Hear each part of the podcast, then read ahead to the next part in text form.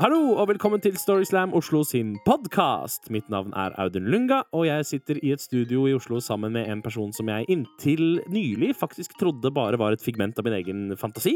Nemlig Karoline Marie Enoksen. Ja, Det viste seg at du var ekte! herregud, jeg er så ekte. jeg. Ja.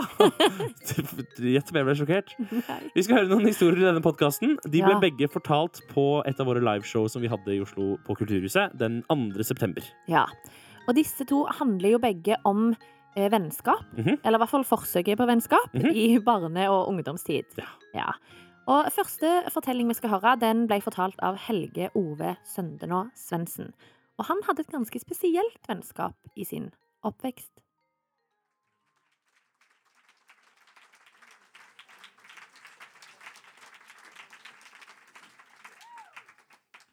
Mamma vokste opp på en gård, og da hadde de masse dyr.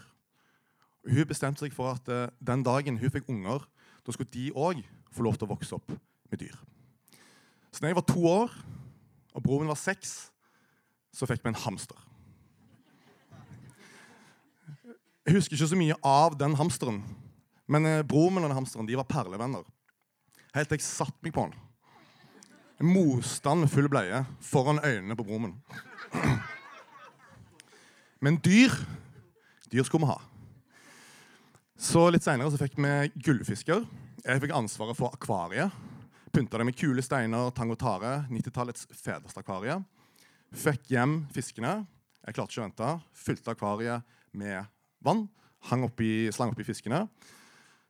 Supergod stemning. De svømmer rundt. 24 timer seinere, alle døde. Et eller annet med at vannet må stå i 24 timer før du har fisken oppi. Men dyr dyr skulle vi ha. Så litt seinere fikk vi kinesiske dansemus. Jeg vet fortsatt ikke helt hva det er. Men jeg skulle velge to stykker, så jeg valgte to gutter. Astrix og Obelix. Tok dem hjem, hadde de bur. Supergod stemning. Et par uker seinere har vi 24 mus. For Obelix var Oda, egentlig. Og Jeg kan ikke så mye om kinesiske dansemus, men jeg har lært dette, og det at de har sinnssykt mye sex. Og En av de musene hadde så mye sex at han dro på seg en slags musepsykose. Og begynte å spise og drepe de andre musene. Så måtte vi kvitte oss med det. Men dyr Dyr skulle vi ha. Så da jeg var seks år, da fikk vi Basse. Og Basse var en liten, grå skogskatt på størrelse med hånda mi. Og Det første døgnet så tok vi Basse hjem. Så hadde man på vaskerommet, for der var det godt og varmt og trygt. Og vi lekte i mange mange timer. Og vi lekte så lenge at jeg sovna. Og når jeg våkner noen timer seinere, så ligger jeg i en helt annen stilling enn det jeg gjorde. Og jeg kan ikke se Basse. Men så kjenner jeg noe loddent og mykt under armen inni armhulen som er livløst. Og Da tar jeg hånda mi og kjenner forsiktig på denne livløse klumpen. Og idet jeg gjør det, så skyter det opp to små rosa poter. Og Basse reiser seg opp og gjesper og ser på meg med det blikket som sier Skal ikke vi fortsette å leke nå? Og fra den dagen så var Basse og jeg bestevenner. Jeg hadde menneskebestevenner, altså, men Basse hadde alltid tid til meg. Han hadde alltid lyst til å være med og kødde og herje og leke. Og det var det vi gjorde. Vi sprang rundt i huset først og lekte og kødda og herja der. Han velta potteplanter. Jeg tok på meg skylden, selvfølgelig, for det gjør man for bestevennene sine. Eh, vi undersøkte og utforska nabolaget. Vi fant hager, busker, grotter. Eh, masse svære greier. Vi hadde det kjempegøy. Og han vokste raskt. På et par år så ble han en, like stor som armen min. Og han ble en liten grå løve som passet på meg.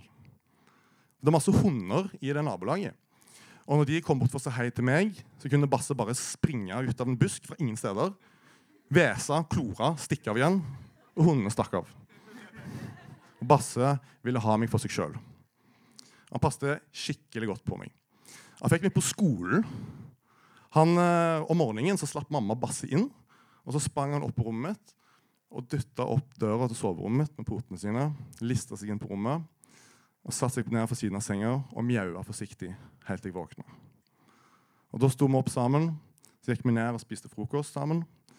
Så fulgte han meg halvveis til skolen, satte seg på den samme steinen, og der venta han til jeg kom tilbake.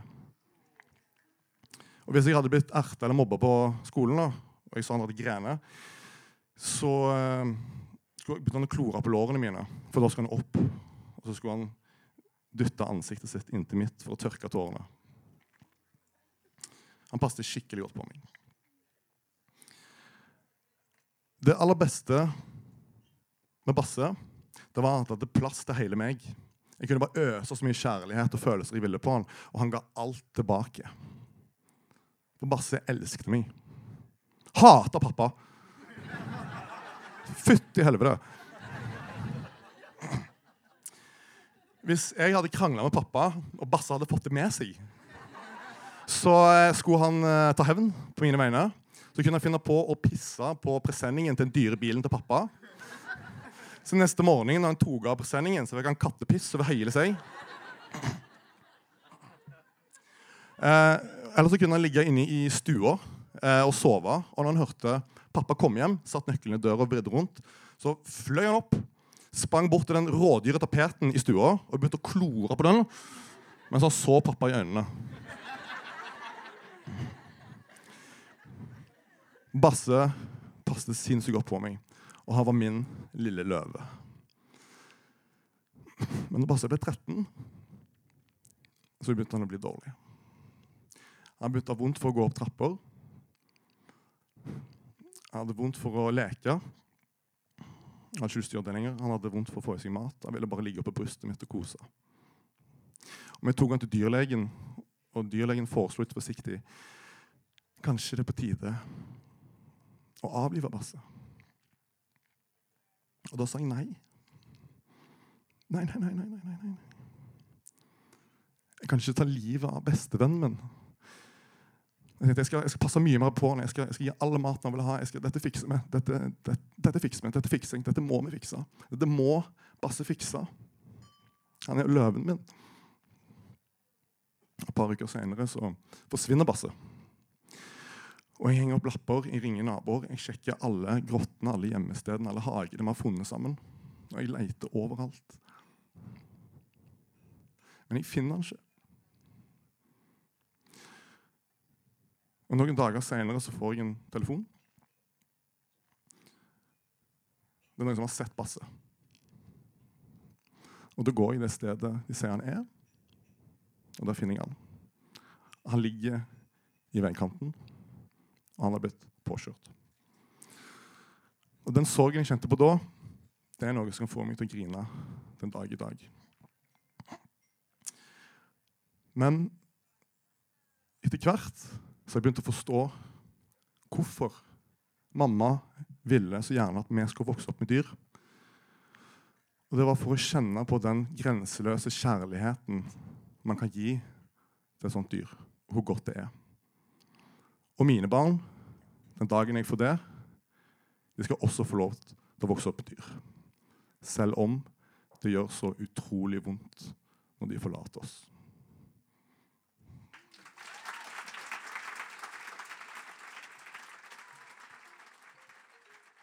Tusen takk til Helge. Ja, og som vi hører, så finnes det jo mange forskjellige former for vennskap. Mm. Jeg personlig vokste opp uten noen av dem. ja. Postmannen teller ikke. Nei, Han hadde så dårlig tid bestandig. det det. Ja. Ok. Eh, Men du er ikke alene, Audun, om å ha hatt litt sånn komplisert eh, forhold til det å, skaffe seg venner Nei. i ungdomstiden. Eh, Neste forteller, Kjetil Stavenes, han har òg litt erfaring med dette.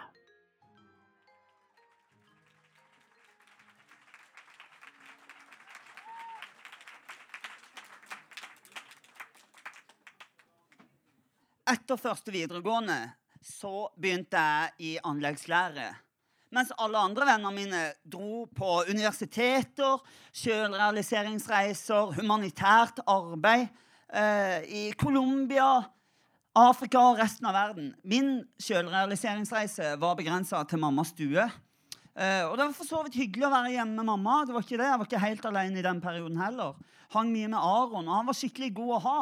Men du innser allikevel at du ikke har så mange å henge med når deg og mor spør om du liksom ikke skal komme deg ut av huset litt snart, og du har tildelt hunden din Aron menneskelig intelligens. Så til slutt tok mamma saken i egne hender og ringte nummeret til styret i ungdomsmenigheten Salem. Og fikk etter litt om og men tromla sammen en allerede godt etablert vennegjeng som for meg besto av vilt fremmede mennesker. Og denne gjengen skulle jeg nå knytte uslidelige vennskapsbånd til. Ja, og bare så det er sagt, Dette ble ikke fremmet som et forslag. Dette var et rent arrangert vennskap. Uh, og jeg trygla bare om å få slippe, som en del av oss som skal inngå arrangerte relasjoner, gjør. Men det var ikke på tale. Og dagen kommer. Setter meg i bilen, kjører den 20 minutter lange turen til kompisgjengen. Det var et under at jeg ikke krasja, for hele turen satt jeg bare sånn i sladrespeil og øvde på å si hei eller ja vel på en sånn kristenkul måte. Uh, jeg kommer fram, ringer på, og det er ikke tvil om at jeg kommer til rett hus. For det som møter meg, er en gutt med en sånn fars hjertelighet. Uh, den sier på en måte Ja, du er en liten skadd fugl. Men jeg skal hjelpe deg. Han gir meg en slags sånn kompisklem og følger meg inn i den her eh, overfylte og overlykkelige stua med vilt fremmede mennesker som hilser meg. Shalom! Eh, jeg får tildelt en plass mellom to jenter i den stappfulle sofaen. Og jeg oser jo av stressfette. Og det er så mange folk, de sitter oppå hverandre. Men hun ene dunker så iherdig i sofaen at jeg tør ikke annet enn å sette meg. De ser på film. Det er visst en kristen film. Eh, og for meg er det ganske fremmed. Eh, mer fremmed er det at de kommenterer filmen utelukkende bibelsk. Å, salig! Ja, ja, ja. Han ser flisen i sin brors øye. Å, åndelig balsam! Det er så bra! Eh, men etter hvert så blir alle oppmerksomme på at venneprosjektet er kommet. De setter derfor filmen på pause, sånn at alle kan se på meg som den store elefanten sykler på line det viser seg at jeg har noe til felles med en av dem. Uh, han har òg dårlig rygg. Og han begynner iherdig å snakke om ymse skader. Og jeg vil jo ikke være noe dårligere. Så jeg forteller om dysleksien, om dyskalkulien, om den ene foten min som er større enn den andre, og gjør meg sjøl til komplett dust. Der jeg sitter som en stinkende og venneløs vannskapning. Klemt mellom to gudinnelignende og moderlig interesserte jenter. Begge med ei annen jente hver på fanget som de fiskebeins rodfletter. Og da er det klart at du går jo litt inn i deg sjøl, da. Begynner å leie etter noe å gjøre. Og som helst så ser jeg lyset. Det er bare det åpenbarer seg. Altså Bokstavelig talt, for redninga mi er en liten glassbolle med telys i. Og desperat etter å finne noe som kan holde meg opptatt, legger jeg hånda som på refleks over åpninga. Jeg skal nå slukke lyset ved å tømme den lille glassbolla for oksygen. Uh, og ja, det gjør vondt, men nå har i hvert fall vannskapningen noe å gjøre. Og Dette tar kanskje et minutt, men det føles som en evighet. Det begynner å svi skikkelig nå. Men ikke gi det. Og jo lengre tid det går, jo mer blir dette telyset symbolsk. Jeg skal klare å slukke dette lyset, som overskygger mitt lys. Mitt indre lys. Og det brenner innvendig. Jeg er så inne i kampen at jeg har ingen tanke for hvor rart dette her må se ut. Eller enda rarere, og for det er ingen andre som reagerer på det. Eh, og det bare kjennes ut som håndkjøttet steiges, mens telyset liksom bare sånn Det gjør vel ikke vondt? Og det svir skikkelig nå. Kjennes ut som håndkjøtt steiges, ja. Jeg er inne i en dødskamp. Og, men hæ? Hå? Flammen blir svakere nå. Å, OK, hold ut, hold ut. Og like før det lille telyset kneler, så går kroppen min inn i Deathcon 1, og jeg slipper. Telyset bare sånn Smiler sånn og blafrer tilsynelatende upåvirka mens jeg sitter beseira igjen med en halvstekt hånd. Heldigvis er det et vindu bak meg, og det er en tålelig kald desember. Så resten av tida så sitter jeg med sånn hånda tilsynelatende henslengt, men egentlig pressa mot vinduet mens jeg prøver å late som ingenting. Men etter en halvtime så gjør det så vondt at jeg må gå Kjører rundt i Kristiansand med vinduet nede, hånda mot utsida av bildøra. Men så gjør det så vondt at jeg må stoppe. Jeg begynner å få hodepine. Ja, da googler man. Hva kan ske, sked hvis man holder hånden over telys for lenge? På det søket fikk jeg ikke så mye treff. Ja, Da ringer man legevakta. Og mens jeg venter på svar, så finner jeg en lenke på Google om indre blødning, og jeg kjenner bare sånn Oi, flere og flere symptomer. Hodepine, ja. Kvalme, ja. Svie på brannsted med stråling, ja. Ja, Men dette blir jo for dumt. Skal jeg stryke med pga. T-lys? Og i alle dager vil vennegruppa si da Jeg kommer gjennom. Damer stemmer bare tydelig preg og har dårlig tid, så jeg går rett på sak. Sier at jeg lurer på om jeg har indre blødning. Ja, og har du gjort? Uh, jeg forklarer situasjonen. Hun forklarer meg idiotien i min handling, uh, og at dette kan være veldig alvorlig. Eh, ja, og lenge holdt du, da? Eh, og jeg har jo dyskalkuli og jeg er ganske konfliktsky, stressa, så nå begynner jo jeg å tvile på min egen tidssans. Altså, Kanskje var det tre minutter istedenfor ett. Jeg vet ikke. Ja, Hvor lenge holdt du? Jeg vet ikke, jeg har dyskalkuli Ja, har du hodepine? Nei. Og jeg svarer nei. Det kom bare så brått på. Og jeg vil jo ikke være til bry. Jeg vil jo bare hjelpe lenge så godt jeg kan. Ja, svie på brannsted. Eh, nei. Og det svir jo som bare juling. Men eh, jeg prøver jo å hjelpe. Ja, kvalme, da. Og jeg er jo dritkvalm, men nå har jeg jo sagt nei til de to første symptomene. Så kan jeg jo ikke si ja på det siste. Det er jo bare kjempeforvirrende for stakkar. Kvalme Skal vi si Ja, eller skal Nei, ikke noe, eller, ikke noe mer enn va- vanlig. Men da har du ikke indre blødning, du, vet du. Å nei. OK. Ha, han, da? Jeg fikk ingen venner den dagen. Men jeg overlevde. Slapp unna med dødsangst og en kraftig forbrenning. Og venner kommer, og venner går. Eh, Stearinskjærsilden, ja, den var hår. Men tiden leger alle forbrenningssår.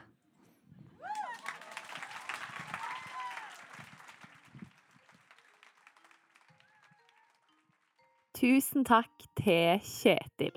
Ja, og jeg må jo også si at jeg personlig kjenner, kjenner meg jo igjen i noe av det han sier om eh, religion og venn, vennskap og den slags. For jeg, jeg personlig jeg konverterte jo faktisk til hinduismen jeg, i en periode i, i 2013. okay. I et forsøk på å få meg nye venner. Ja. jeg skjønner. Men dro du liksom til utlandet, da? Til Nei, Asia? nei, nei, dette var i Kautokeino. Så det var, det var overraskende få hinduer der. Eh, det gikk, gikk ikke så innmari bra. Nei, det var en dårlig, dårlig plan. Ja. Ja. Men jeg vet, Audun, et sted hvor du kan få venner. Å ja! Hvor Ja. er dette? Det kan du få på Grand Slam på Wow! Rockefeller. Det høres ut som en god plan! Ja. For det er nemlig vårt finaleshow som vi skal ha den 25. november, hvor vi inviterer vinnere og finalister i våre liveshow til å konkurrere om å være best av de beste. ja. Og det er plass til 750 publikummere, så det er jo noen der. Det er noen, noe For for, enhver. Riktig. Du kommer til å finne noen du kan bli venner med. Ja, Hvis ikke så kommer vi til å være vennene dine. selvfølgelig. Absolutt. Og billetter det får du kjøpt på ticketmaster.no. Eh, eventen ligger på Facebook. Og i mellomtiden så syns jeg jo du skal kose deg med denne podkasten, som kommer ut med ujevne mellomrom. Vi snakkes! Ja! Hurra!